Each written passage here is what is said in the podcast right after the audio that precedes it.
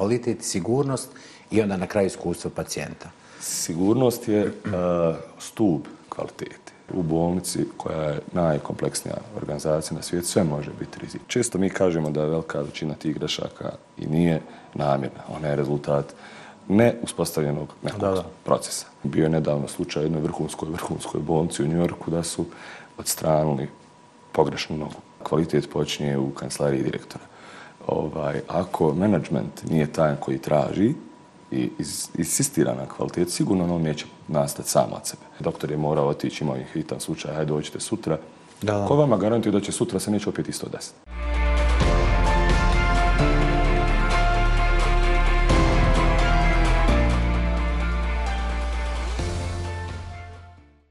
Poštovani gledalci, dobrodošli u novu epizodu, novi podcast a, prve sezone pod nazivom Zdravstvo pogled iznutra.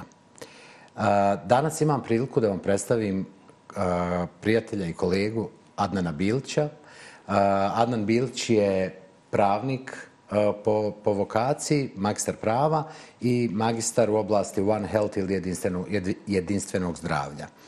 Adnan se u svojoj karijeri, karijeri specializirao za kvalitet u zdravstvu i danas ćemo razgovarati upravo na tu temu. O kvalitetu u zdravstvu, šta je to, kako se mjeri, na koji način se uspostavlja, kako se unapređuje u zdravstvenim ustanovama u svijetu, ali i kod nas u Bosni i Hercegovini.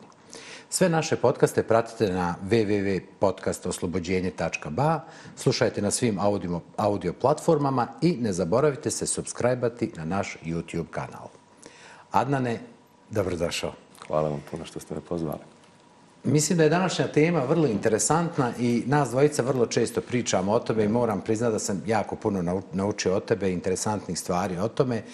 Uh, prije sam o kvalitetu neke usluge razmišljao na način da je to, odeš na Google, pogledaš rating, da li je to booking, pa je to neki hotel, da li je restoran, pa ćeš vidjeti tamo ratinge. Da ali sam uh, bio jako zainteresovan i ti si mi tu stvarno jako puno pomogao da shvatim uh, da je kvalitet zdravstvene usluge nešto gdje korisnici te usluge jednostavno nemaju jednostavan pristup tim informacijama. U znači nekim sredinama neki su doktor jednostavno da kažem razvikani pa znaš ako te boli boli koljeno kojem ćeš se doktoru javiti jer je on najbolji. Ili u koju ćeš koju ćeš dom zdravlja privatnu ustanovu otići jer je ona najbolja. Pa moje prvo pitanje bi bilo Adnane kako se osigurava kvalitet zdravstvene usluge u nekoj ustanovi kako se on mjeri i kako ja kao korisnik potencijalni korisnik neke zdravstvene usluge u stvari mogu znati gdje je ta zdravstvena usluga najkvalitetnija, najbolja, gdje neću čekati, gdje ću dobiti kvalitetne materijale i kvalitetnu uslugu. Jel možeš malo našim gledalcima na tu temu elaborirati? Na, naravno, mislim, to je sad pitanje, može jedan cijeli podcast, samo ta tema. U biti, ovaj, ono što je nama svima percepcija kvaliteta je vrlo različita. I mi znamo da kad idemo negdje da je nešto dobro, mi imamo neko svoje iskustveno opažanje da je to za nas kvalitetno. Ja uvijek to i na nekim predavanjima na kojima ono, ovu temu bilo da dotakne neko iz publike ili ja kao predavač, ovaj, kažem ako ima koji hercegovac ovaj, u publici, jeli, zna svaki hercegovac koje je najbolje motorno vozilo. Ja, to će uvijek biti Mercedes. I mi svi znamo da je brand Mercedesa najkvalitetniji za određene stvari i tako dalje. Uh, isto je tako i sa zdravstvom, odnosno sa zdravstvenim ustanovama, pa i sa pojedinačnim uh, Uh, učesnicima u tom sistemu, zdravstvenim profesionalcima, posebno ljekarima.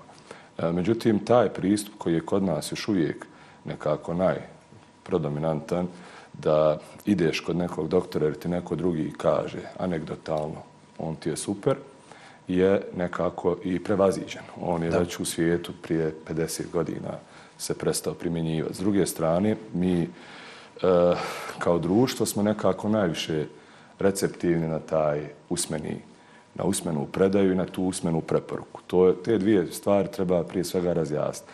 E, da bi imali pravu informaciju, ipak moramo se nekom sistemskom pristupu okrenuti, pa da onda na osnovu nekih rezultata mjerenja, pokazatelja, nekih analiza dođemo do pravog rješenja. Ja se slažem da svi mi ipak možemo ocijeniti donekle kao za, ovo, kao za ovaj automobil Mercedes, jeli, po nekim performansama koje su nam onako, iako nismo iz te struke, opće poznate, da je nešto kvalitetnije i vi ćete sigurno moći prepoznati koja je bolnica ili koja je poliklinika ili koja je privatna ordinacija po nečemu bolja, pa kažete, kod njih je stvarno ono, sve novo, sređeno, prema prostor, to fenomenalno izgleda.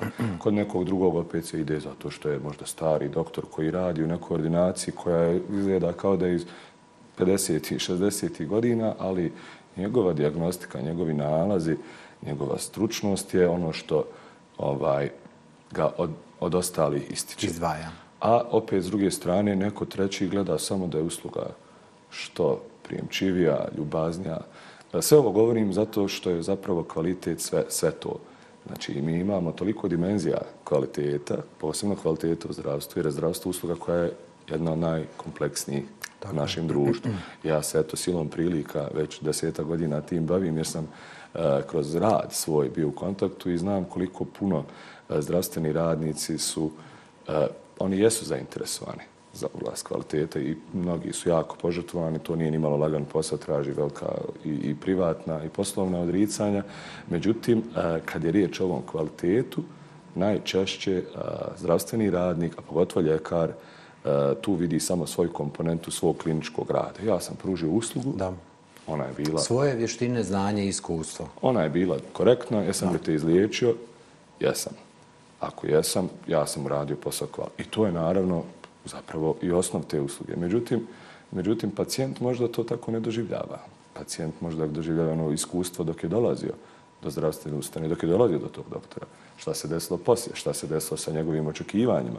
To su stvari koje su malo šire i zahtijevaju ipak puno, puno detaljniji pristup ovoj problemaciji, ipak je to posebna nauka za koju mi naravno ne očekujemo, evo prvi ja nisam ljekar, niti mogu da ulazim u stručni rad ljekara, niti bi ikad se usudio da to radim, ali je ipak potrebno dati neke parametre na osnovu čega je usluga bilo koja, pa evo i ova kvalitetna. I sigurna. Kvalitetna ja, i sigurna. Tako, ja sam se naučio u razgovorima s tobom da nekako te dvije riječi budu pa. da ih nekako uvijek zajedno kvalitet, sigurnost i onda na kraju iskustvo pacijenta. Sigurnost je uh, stup kvalitete jer pogotovo u zdravstvu, zdravstvo je jako opasna djelatnost, ona može biti vrlo rizična i visoko rizična i za pacijenta, boga mi i za zaposlenika, odnosno za zdravstvenog radnika, pa evo i za društvo u cijelini, sve, svi trpe kad je neko na bolovanju. I porodica, i posao, i svi ostali.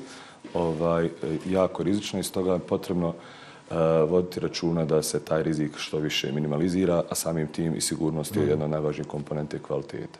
Ovo sad što ste spomenuli, treće, znači iskustvo pacijenta, to neko njegovo zadovoljstvo, to je po meni e, nekako novina u, u upravljanju kvalitetom u zdravstvu. U zadnjih možda 5, 10, 15, 20 godina se počela i ta komponenta gledati. Ona do sad nije bila toliko značajna. Mm. A vi ćete sada, ako odete na web stranicu bilo koje zapadne ili evo, bilo koje svjetske, pošto sad imamo i na istoku jako dobrih zdravstvenih ustanova, vidjeti da oni imaju posebne odjele samo za iskustvo, iskustvo pacijenta. pacijenta. To je recimo nešto što ja sam onaj, lično se uh, odlučio za, za promjenu karijeri, za uh, prelazak u jednu takvu uh, novu privatnu zdravstvenu ustanovu. Inače, ovaj, sam radio u državnom sektoru. Jedna od osnovnih ideja i polaznih tačaka mi je bila ta promjena da se uvede nešto što do sad nije bilo i nešto što je stvarno nama i potrebno u, ovom društvu i generalnom zdravstvu. Tako da to je bila ta neka, ne znam, široki odgovor da, da. na jedno široko pitanje. Arnane, moje pitanje, uh, u bolnicama i svi zdravstvenim ustanama postoji taj neki sistem uh, unapređenja kvalitete i sigurnosti. Šta je to? Kako to funkcioniše? Kako ustanove obezbijeđuju koji mehanizima da taj nivo bude zadovoljavajući ili na najvišem nivou? Da. Pa prvo, prvo nažalost, ja sam ona, i bio autor jednog malog rada, studijice, a i pozva, mogu se pozvati na studije iz regiona, zapravo velika većina zdravstvenih ustanova ne primjenjuje nikakve sisteme upravljanja kvalitetom. Ako primjenjuju, obično su to uh, sistemi upravljanja kvalitetom koji se tiču laboratorije ili radiologije iz prostog razloga što neke druge zakonske regulative i, i organi iziskuju da taj sistem postoji. E, sam management i sama zdravstvena ustanova najčešće nije pod nikakvim uh, sistem upravljanja kvalitetom. Mislim da je to zorno se i vidi u načinu rada. Obično je taj rad, iako je on e, možda i dobar, obično je on vrlo pointilistički, stihijski i radi se po nekoj inerciji, po iskustvu od ranije. Ima neosporno kod mnogih zdravstvenih ustanova jako lijepo posloženo i ustrojeno, ali evo mi smo vidjeli u par slučajeva tipa pandemija, COVID-19 i slično, da ipak a, nije baš to sve bilo da se unaprijed znalo gdje ko šta radi da, da. i tako to. A to je bit uspostave sistema kvalitete. Ne da se...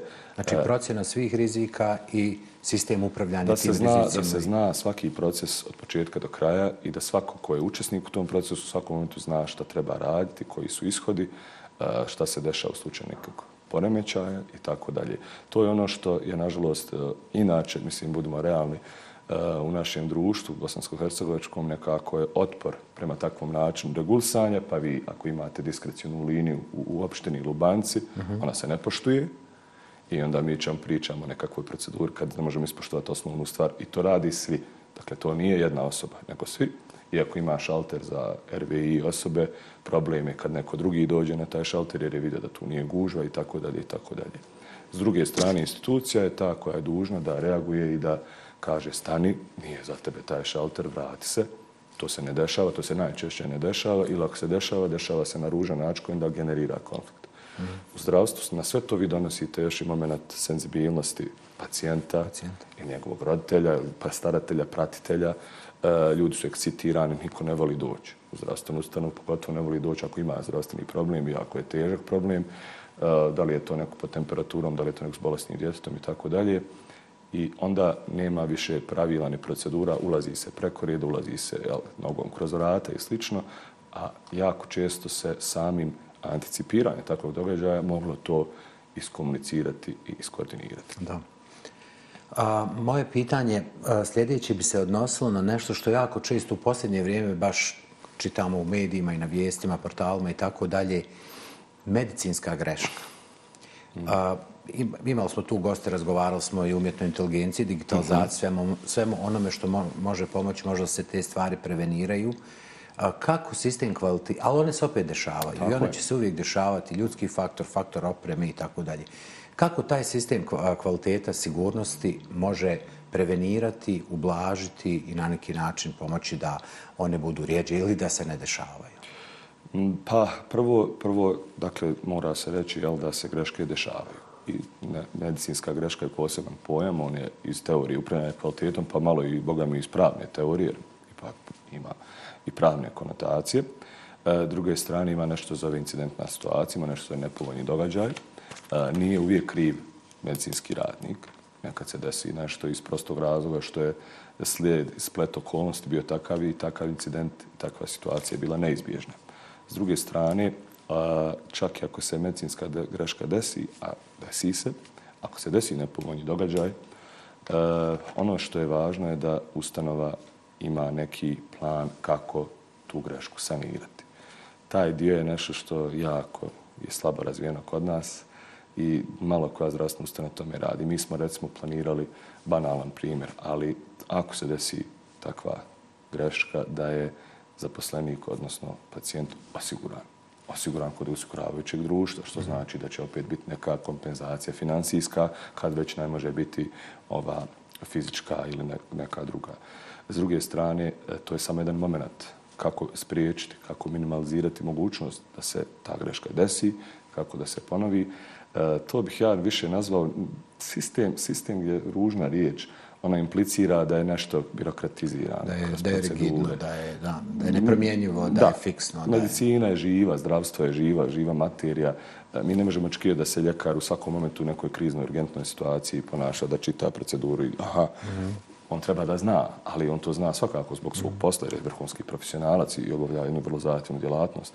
E, prvo, procijenti šta može biti rizik to mogu biti banalne stvari. U bolnici, koja je najkompleksnija organizacija na svijetu, sve može biti rizik. Izgubio se dio koji je trebao doći na operaciju. Da li oprema, da li aparat, da li dio organa, organ. Ostavila otvorena utičnica mogućnost udara strujnog za pacijenta, da, za radnika. Da, da, da. Pa do ovih stvari obavila se incizija na pogrešnom mjestu, obavila se odstranjenje ekstremiteta. Bio je nedavno slučaj jednoj vrhunskoj, vrhunskoj bolnici u Njorku da su odstranili pogrešnu nogu. pacijentici i to na raz, razlog je bio taj što je pacijentica i vidjela na formularu da je označena noga prekrižena noga koja će... Pogrešna, biti, pogrešni ekstremitet. Jeste, ali pacijentici na razmišljanje je bilo aha, on je prekrižio ovu koju neće raditi. A, a oni su mislili da je to ova koju treba. Od jeste. I nije se niko ni pacijent nije propitivao šta je ovo, a ovi su radili samo po inerciji. To je ta sigurnost. To je ta sigurnost koja da je bila, Da je bila veća kontrola, da. da se na više mjesta reagovalo, da se vratilo na početak, pa možda i pitalo usmeno samo pacijenta, je li ovo to, svako zna šta operiše, što mm. čega dolazi. Mogla se možda izbjeći ta situacija. Sad, kako je dalje bolnica riješila taj problem, da li su financijski kompenzirali pacijent, mislim, nema tu ne može se procijeniti šta je gubitak ekstremiteta zdravog, ali, ali možda, možda ovaj, nažalost, sud mora dati neku vrijednost. Adnane, znači kvalitet i sigurnost nekako su, oni moraju tu biti, oni su neprikosnoveni Tako. za jednu bolnicu, znači o tom nema ni govora. U samom početku su rekao da ova treća stavka o kojoj mm -hmm. ti i ja često razgovaramo sa kolegama, iskustvo pacijenta je nekako kategorija koja dolaskom privatnih ponuđača usluge, kreiranjem tog tržišta, porasta konkurencije, jednostavno su zdravstvene ustanove shvatile da iskustvo pacijenta je bitan faktor kako bi se neko opredijelio za njihovu uslugu. Znači, kao što nećeš više otići u hotel gdje je bila loša usluga, kao kad instaliraš aplikaciju, ona ne radi, ti je obrišeš i više nikad ne instaliraš. Isto tako, znači, taj aspekt odnosa prema klijentu, u ovom slučaju pacijentu, je sve više i više značajan um, uh, feedback pacijenta, znači ona, pričao sam baš sa prošlim gostom, ona kutija pohvale, primjedbe i tako dalje. Kako se taj, taj odgovor pacijenta, njegove primjedbe i tako dalje u tom sistemu kvaliteta, sigurnosti, iskustva pacijenta valorizira i kako se s njim upravlja, kako bi poboljšao zdravstveni uh, kvalitet, sistem kvaliteta? Dakle, zdravstvo, rekli smo, usluga, posebno zdravstvo koje je okrenuto i orijentisano ka pacijentu. Naš zakonodavac kaže da je pacijent u centru. Jel? Stalno čujete to pacijent u fokusu. E, I javno bi trebalo biti jer je finansirano novcem građana. Znači, ipak je ono u svojoj duši, ono jeste osnovano od strane javnog, ali finansirano od nas privatnih fizičkih, fizičkih lica. A s druge strane, ovaj privatno zdravstvo pogotovo ono se bori na tržištu sa konkurencijom od drugih kolega, privatnika i naspram javnog sektora. E, šta znači zadovoljstvo i, i šta znači to iskustvo pacijenta? Naravno da ono što sam rekao na početku, klinička usluga kao takva je zadovoljstvo. Ali evo, pogledajte na primjeru, recimo, vakcinacije. Samo davanje, pružanje vakcine više nije dovoljno. Vi sad imate toliko uh, udruga, roditelja, Facebook grupa koje agitiraju protiv vakcine. Protiv. Da. Znači, neko ne upravlja sa očekivanjem tog pacijenta i on više ne želi tu slugu. Iako je kupljena najbolja vakcina, koja je možda i najkvalitetnija, ona više gubi na značaju. Znači, nije se radilo na upravljanju očekivanja pacijenta i njegovog zadovoljstva. Da se moglo raditi, naravno moglo. Ja često koristim... Pravilnim informisanjem, blagovremenim. Naravno. Da, da. Ili kad je već se dođe u zdravstvenu ustanovu da se objasni o čemu je problem, da se kaže tačno je postojala je neka kontraindikacija i tako dalje. Mislim, ne mogu ja sad, nego ne dajem ja diagnozu, ali mm -hmm. ovaj, govorim šta je sa aspekta teoriju prema kvalitetu. Često ja dajem jedan primjer koji je iz literature, mislim, nisam ga izmislio da ako roditelj dođe sa djetetom u čekaonicu i oni mu kažu sačekajte, a dijete je sad sve nervoznije i nervoznije, s druge strane roditelj nema vremena jer je pregled zakazan fiksno, a vi imate svoje dnevne obaveze, i onda vam na kraju kažu, a to se često zna, da jeste doktor je morao otići, imao je hitan slučaj, hajde dođite sutra. Da, da. Ko vama garantuje da će sutra se neće opet isto desiti? Da, da, da. A gdje je tu smirenje vas, pružanja nekog umirenja da se smiri ta vaša nervoza što ste toliko čekali i opet niste primjeni? Da, gdje je neki transparentan sistem zakazivanja? Gdje je neko javljanje? Moglo se javiti pacijentu na telefon, doktor danas ima određene intervencije na terenu, možda će kasniti, možda će doći. Sve su to stvari koje su mogle doprinijeti zadovoljstvu pacijenta i percepciji te usluge da je bila dobra. A u ovom slučaju, recimo, čak i kad dijete pregleda, taj roditelj je već toliko puta odbijen, ružno se tretiralo prema njemu. Jednostavno stvorila se percepcija da je jako loš. Ta osoba će sigurno potražiti drugu, recimo, pediatrijsku kliniku. Da, da. To je, to je recimo, ono bit bit upravljanja. I recimo mi u, u bolnici smo, ja često kolegicu zezam koja vodi taj odjel, jeli, ovaj, pokrenuli, odnosno osnivamo od, odjel, za... odjel za patient affairs, znači Ja, za zadovoljstvo pacijenta, za poslove s pacijentima, da bi se takve stvari preduprijelo. Koristimo i znanje, iskustvo i obišli smo x bolnica u svijetu da bi vidjeli na koji način se to može preduprijediti, upravljati očekivanjem pacijenta, upravljati očekivanjem osoblja i izbjeći takve eks, ekscitirane situacije koje mogu dovesti do agresije, do nezadovoljstva i tako. Kažu, feedback je doručak šampiona. Jeste. Tako da vjerovatno za dobar kvalitet sigur, i si- za dobar sistem kvaliteta sigurnosti i iskustva pacijenta je vrlo bitno dobiti kvalitetan feedback pacijenta. Mene interesuje, Adnane, tvoj posao. Znači, evo, ti vodiš um, odjeljenje za kvalitet sigurnosti jedne a, velike bolnice, jel, koja će uskoro otvoriti sva vrata pacijentima. I prva postavka uposlenika bit će 267, koliko ja znam po zadnjoj informaciji, i rast će sve do 480. Kako ti misliš i kakav, su- su tvoji planovi za upravljanjem održavanja kvaliteta, edukacije tih ljudi i kako rangirati ko dobro radi svoj posao, ko ne radi dobro svoj posao? Po- Postoji neki sistem za upravljanje tim vrlo bitnim faktorom za jednu bolnicu? Naravno, to je ogroman izazov i ja ono, lično, lično sam malo jeli, uvijek i, i, i, i, i smatram da je to ogroman posao koji će samo rasti kako bolnica se razvija. E, nema, nema pravog odgovora na pitanje šta je ono što čini neku ustanovu super kvalitetnom. To je set raznih aktivnosti koje se sprovode u kontinuitetu da bi ta ustanova bila izvrsna ustanova. Naravno, edukacija osoblja, kad kažemo edukacija, ne mislimo na edukaciju o njihovom zdravstvenom, njihovom backgroundu. Znači, zdravstveni profesionalci podrazumijeva da imaju znanje, oblast za koju se stručno bave. znanje, Mada oni, naravno, cijeli, to je profesija gdje je cijeloživotno učenje u pitanju i ovaj, uvijek se usavršavaju dalje. Ali isto tako je potrebna edukacija iz komunikacije sa osobljem, iz odnosa prema pacijentu, odnosa prema drugim kolegama. To su stvari koje se ne mogu učiti na fakultetu, najčešće se ne uče. Ja vidim, ja znam iz, iz evo, prethodnog radnog angažmana da mnogi i, i ljekari i sestre, a i ovo svo pomoćno takozvano osoblje traži takve edukacije, ali njih nema. Mi u, u ASA bolnici smo planirali preko onoga posebnog tijela ASA instituta, naučnog instituta, organizovati takve edukacije da ljude koji kod nas rade, ali i otvoreno za sve druge učesnike u zdravstvu, znači sve zaposlenike u zdravstvenom uh ustanovu federaciji, e, pružamo takve edukacije. A ako to nije dovoljno, a u mnogim stvarima nije, jer mi želimo, mislim, generalno treba tež prema nekim velikim, velikim bolnicama i nekim vrhunskim rezultatima, plan je upućivanja zdravstvenog kadra u, u MUVI, odnosno u univerzitetsku bolnicu u Beč, da, da vide kako se rade neke stvari na svjetskom nivou. I često tu, tu dođe do otpora, pa mi smo to uvijek tako radili, nema Da, da. potrebe.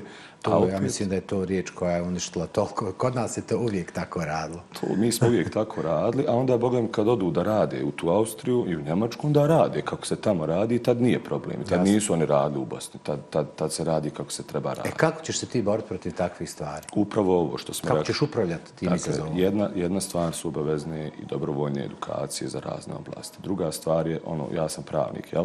Pa naravno sve za sve mora postati procedura, mora postati pisani dokument. E, neosporno da u kvalitetu svako može učestvovati na svoj način i svima je to mora biti zadatak i obaveza, ali isto tako svi moraju odgovarati. Ono što će raditi služba za kvalitet i što inače radi u svim organima službe, u svim organizacijama bolničkim i drugim zdravstvenim službe za kvalitet jeste praćenje nekih pokazatelja kako mi to radimo. Da vidimo da li smo mi dobri u tome što radimo. Evo ova kolegica, odnosno odjel za iskustvo pacijenta i njeni podaci, koliko su pacijenti zadovoljni, nezadovoljni, mogu biti jedan reper za nešto. Pa mi vidimo da imamo određeni Oni će broj. dolaziti direktno u službu kvaliteta i sigurnosti, je li tako? Oni se žale nekome unutar strukture kako je stru, sistem uspostavljen. Mo spomenuli ste tu nesretnu knjigu žalbi i ja moram reći... Kutiju, ne, ne, ja sam A, rekao kutija, kutija. Kutija, kutija je knjiga žalbi je kod nas rezon i to je početak i kraj naših prigovora i žalbi. E, ja moram reći, pošto sam eto donekle i tom teorijom kvaliteta se bavim, bavio i bavim evo sad i praktično, ovaj, to je vrlo nesretan način praćenja zadovoljstva ili nezadovoljstva pacijenta. E, prvi ja bi se osjećao neugodno da sad tražim da se pred svima moje, moje nezadovoljstvo eskalira i da svi vide da sam ja nezadovoljan i to. Ali na način da se prikupljaju podaci, da se omogući svakom pacijentu da ako ima neki problem da ga izloži, Jasne. da ga objasni, da nam javi, ali s druge strane ima jedna vrlo važna komponenta ovdje, a to je uh, organizacijona kultura, otvorenosti i kvaliteta, da se o takvim greškama i propustima priča i da se jasno kaže, evo ovdje imamo problem, hajmo ga sad riješiti. Pa šta god da je to. Mm -hmm. Ako je to nepoštovanje nekultura od strane jednog zaposlenika, naravno da se onda rješava sa tim zaposlenikom. Mm.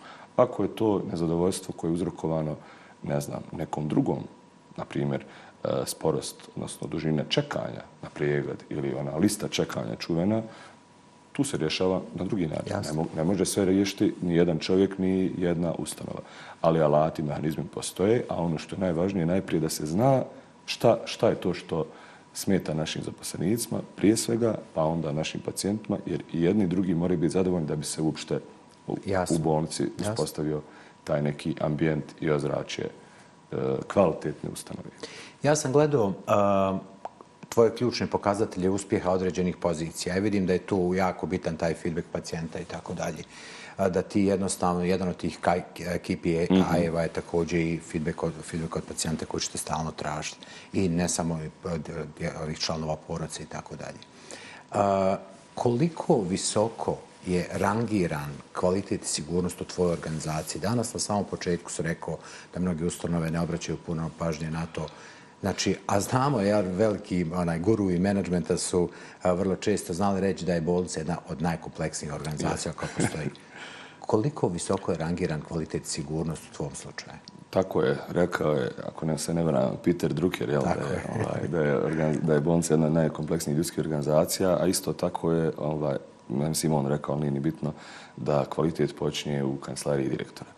Ovaj, ako management nije taj koji traži i insistira na kvalitet, sigurno on neće nastati sam od sebe.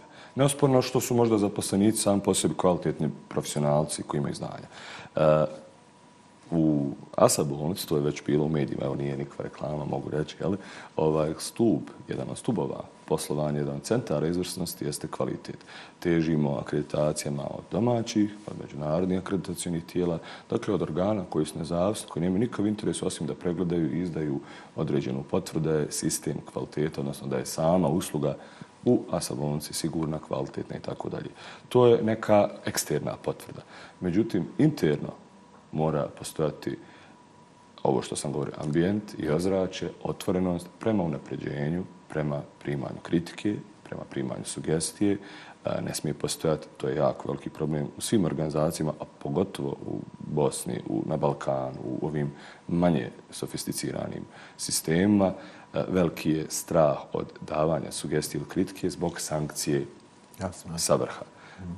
U, u, u našoj zdravstvenoj ustanovi su tako ustrojeni odjeli da će ta eventualna sugestija ili kritika, bilo da je od pacijenta, bilo da je od kolega, se rješavati kroz sistem i biti disperzirana na sviju, odnosno eventualno na one koji, koji, na koji se treba skrenuti pažnje, bez sankcionisanja, a uz stimuliranje onoga ko je nešto radi dobro i ispravno. E, to je ta poveznica sa tim čuvenim KPIs, odnosno sa mhm. pokazateljima ključnim pokazateljima ključnim pokazateljima izvrsnosti, kvalitet kao teorija i kvalitet u zdravstvu ima svoje pokazatelje, da li će to biti neki klinički, da li će to biti neki ovi, hajmo reći, iz menadžmenta, ali e, jedni i drugi su povezani sa sistemom nagrađivanja.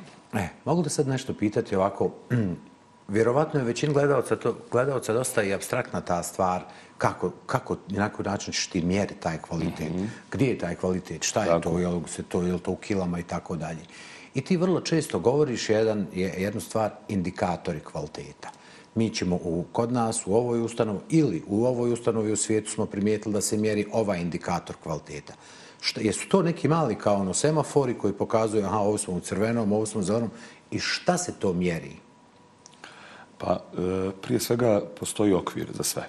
Znači, nebitno da li je riječ o sportu, o medicini, o, o pravu, ono što je zadato kao neki pokazatelj u medicini je broj određenih slučajeva na određenu jedinicu vremena za bilo šta. Pa da li je to broj incidentnih situacija, da li je to broj padova sa kreveta, da li je to broj infekcija, infekcija da li je to broj povratnih pacijenata koji se vratio sa istom diagnozom, dakle nije izliječen u prvom tretmanu.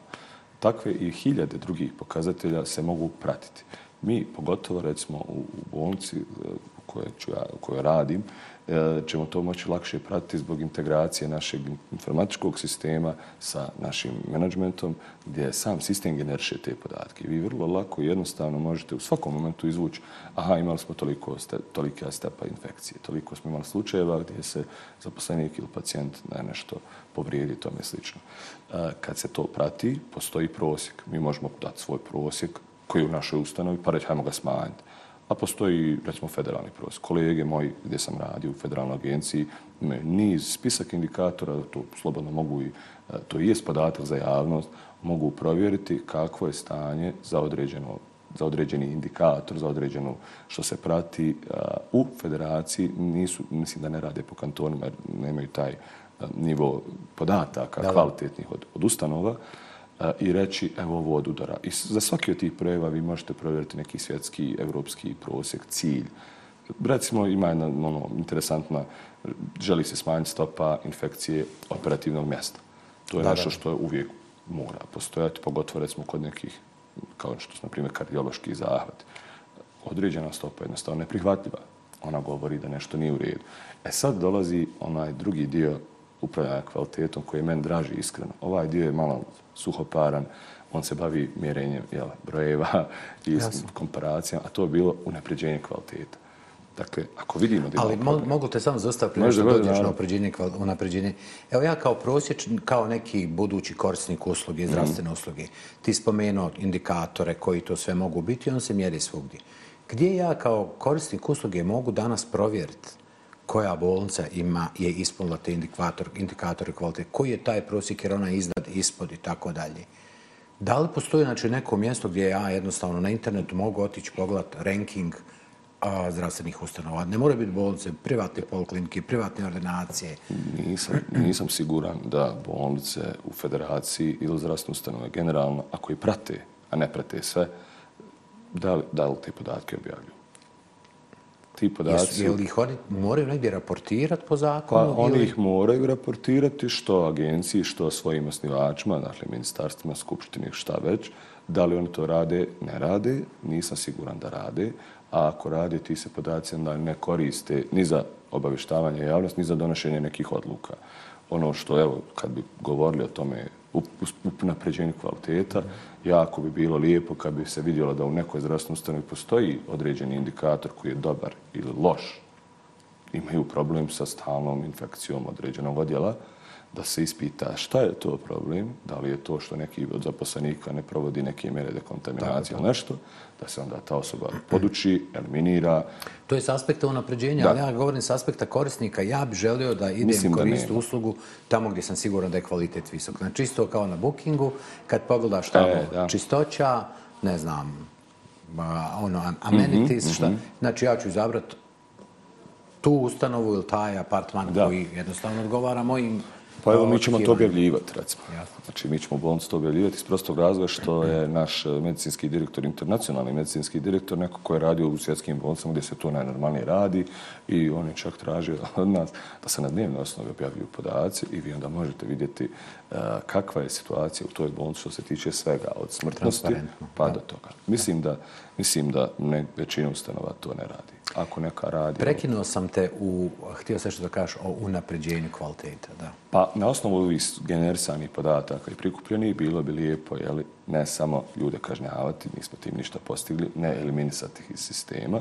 Često mi kažemo da je velika većina tih grešaka i nije namjerna. Ona je rezultat ne uspostavljenog nekog da, da. procesa. I onda ustanoviti šta je razlog, tom griješenju i da se taj proces naprijedi da ta osoba više ne griješe. Jer većina ljudi su obrazovani, razumni, nema razloga da griješe. Pa ako je to ta neka nepranje ruku poslije određenog zahvata ili prije ili nešto, da se to promijeni i onda vidimo da li je indikator porastao, pao, ostao isti i tako dalje. E, to je ono što je u biti unepređenje kvaliteta. I to postižemo ovim dodatnim edukacijama, skretanjem pažnje, vraćanjem na proceduru, zašto ne i nekom unutrašnjom kontrolom od strane kolega iz druge ustanove, iz Pa da. neko ko je, ko je u toj oblasti ipak vični da, da skrene pažnju. Ima takvih primjera, recimo banalan, jedan iz, iz mog prethodnog rada iskustva, znam da je u jednoj ustanovi ovaj, bila abnormalno visoka uh, stepen infekcije poslije inserta katetera kod pacijenata na terenu, ni pa, znači patronažnih. Razlog je bio očito neiskusno, neobrazovano osoblje, jer je jako malo tog kadra.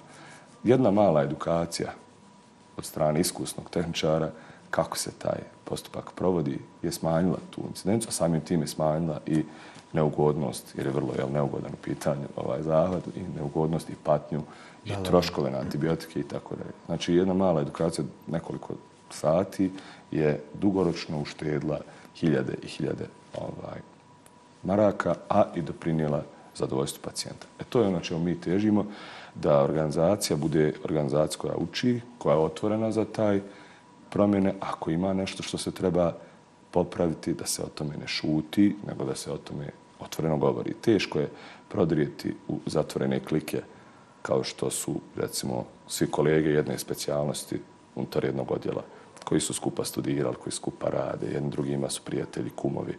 Ako jedan pogriješi, ne, neće ga ovaj drugi razotkriti. Ali ne treba ni da bude atmosfera straha da mi Tako sad razotkrivamo. Nego da kažemo, evo, samo ovdje ovaj dio ispravite i da idemo dalje. To je, to je intencija. To je onaj kulturni, lijepi u rukavicama britanski pristup gdje je, gdje je zdravstvo stvarno u službi pacijenta i ako je i glomazno, ono i dalje funkcioniše na način koji nastoji da pokrije pacijenta.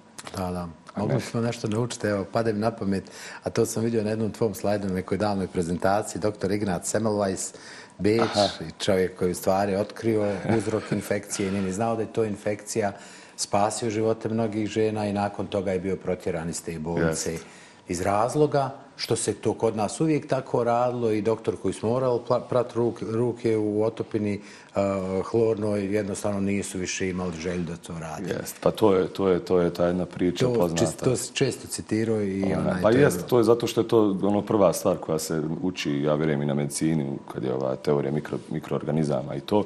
Dakle, riječ je o jednom ljekaru iz, on je porijeklom iz, iz Budimpešta, ali radi u Bečkoj bolnici, upravo ovoj koja je nama ovaj, klinički upravitelj, ali naravno prije 200-300 godina.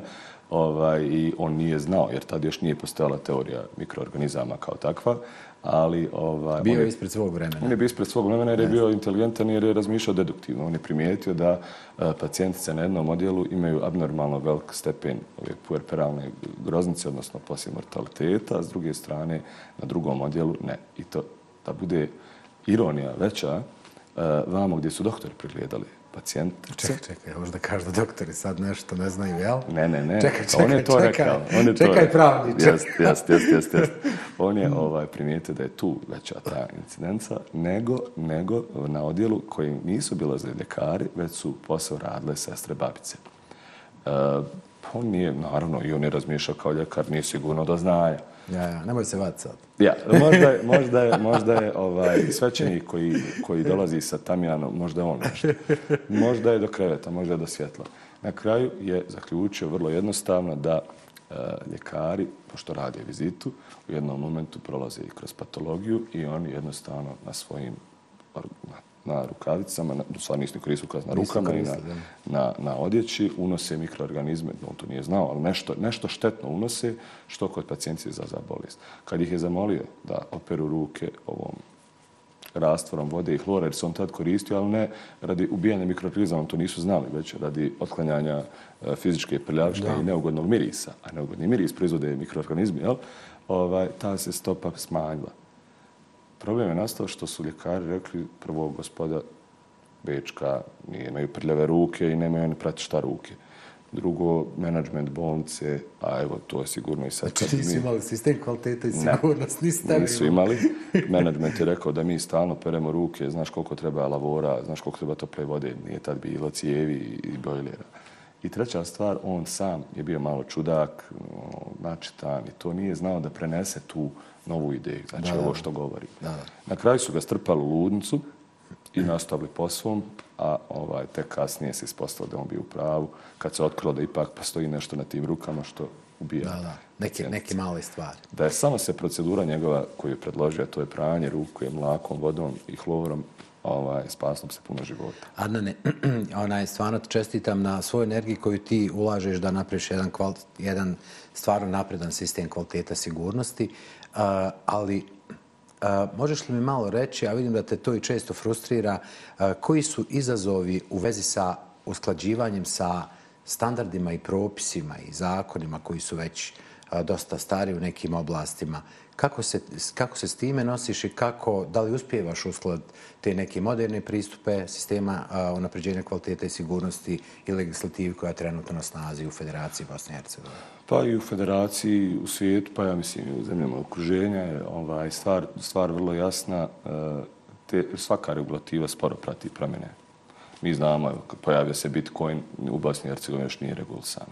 E, šta je s kvalitetom? Zakon iz oblasti ove oblasti, znači kvaliteta u zdravstvu je napisan 2005.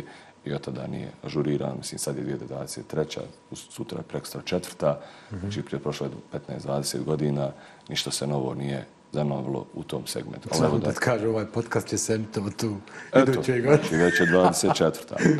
S druge strane, s druge strane ovaj, medicina je oblast koja napreduje munjevtom brzinom, pogotovo kad se ove sad primjenjuju zdravstvene tehnologije i znam da je bilo tema i ovdje i taj umjetna inteligencija i slično, Tako. to pravilnici ne poznaju. Kako premostiti to dvoje? Pa nekad se dovija čovjek kreativnim rješenjima, nekad, nekad jednostavno moraš ići i, i mimo neke ovaj, regulative, ali pripremiti validne argumente. Zato mi imamo jako puno novih ideja šta bi mi uradili, kako bi mi uh, angažman radnik, naših radnih zaposlenika na određen način. Slično sve to nama zakonska regulativa ne dozvoljava ili nam ograničava, a s druge strane je to nešto što je praksa. Da. To su stvari koje treba mijenjati. Mi smo i tu pokušali proaktivno djelovati, oglasiti te probleme, pokušati ovaj, uh, oni donosioci odluka obavijest o tome. Međutim, ostaje na kraju da se uvijek zadnja je državni. državni. Tako je. Tako. Tu, tu moraš čovjek biti iskren. U mnogim stvarima, vi znate, mi na, pitaju nas, jel, hoćete li imati ovo? Mi kažemo, ne možemo imati to, jer to nije specializacija koja je u Bosni i Hercegovini priznata u federaciji. Ja, ne postoji uopšte Ne postoji. I taj stručnjak svjetskog glasa koji radi u Norveškoj, koja je deset puta bolja, ako nije, mislim da je proglaša naj, naj, najbogatijom i najrazvijenijom, sa najrazvijenijim zdravstvom zemljom na svijetu, taj ekspert ne može raditi u federaciji, jer federacija je opametnija i njoj to ne treba.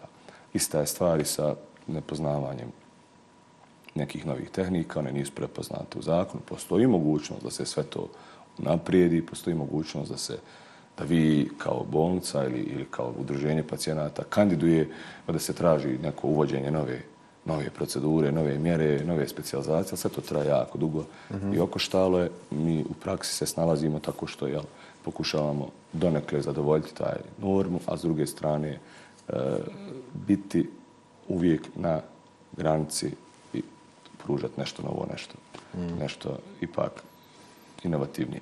Vidim, ja mislim da si danas najviše puta spomenuo edukacija, trening i tako dalje. Vidim da je jednostavno uh, to esencija jednog, jednog funkcionalnog sistema kvaliteta i sigurnosti. Uh, mi sada prolazimo upravo baš kroz jedan interesantan proces, credentialing, zajedno mm -hmm. sa, sa profesorom Fasolom, gdje ako ljekar e, želi da se ba, radi jednu određenu proceduru, znači kako bismo ispunili sistem kvaliteta po JCI-u, potrebno je da znači, navede kad je taj trening urađen, kad je zadnji put radio tu operaciju ili taj neki tretman, koliko ga je puta često radio kako bi ispunio uslove da dobije dozvolu da ga radi. Ukoliko frekvencija kojom je on radio te određene tretmane nije dovoljna, mora otići na dodatnu edukaciju. Znači, za ispunjenje JCI-a vidio sam da su, znači, ti, ti svi uslovi moraju biti ispunjeni i jako su rigorozni.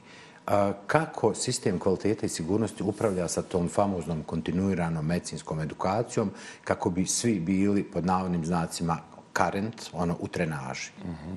Pa evo, da, da li ste neki i vi, ovaj, odnosno ti, E, dakle, jedno od ciljeva u, u našoj bolnici jeste i pribavljanje te međunarodno priznate američke akreditacije od udruga američkih bolnica, koja jako veliki akcent stavlja na to kvalitet ljekara i njegovog iskustva, a sve u cilju bolje pružene usluge pacijentu.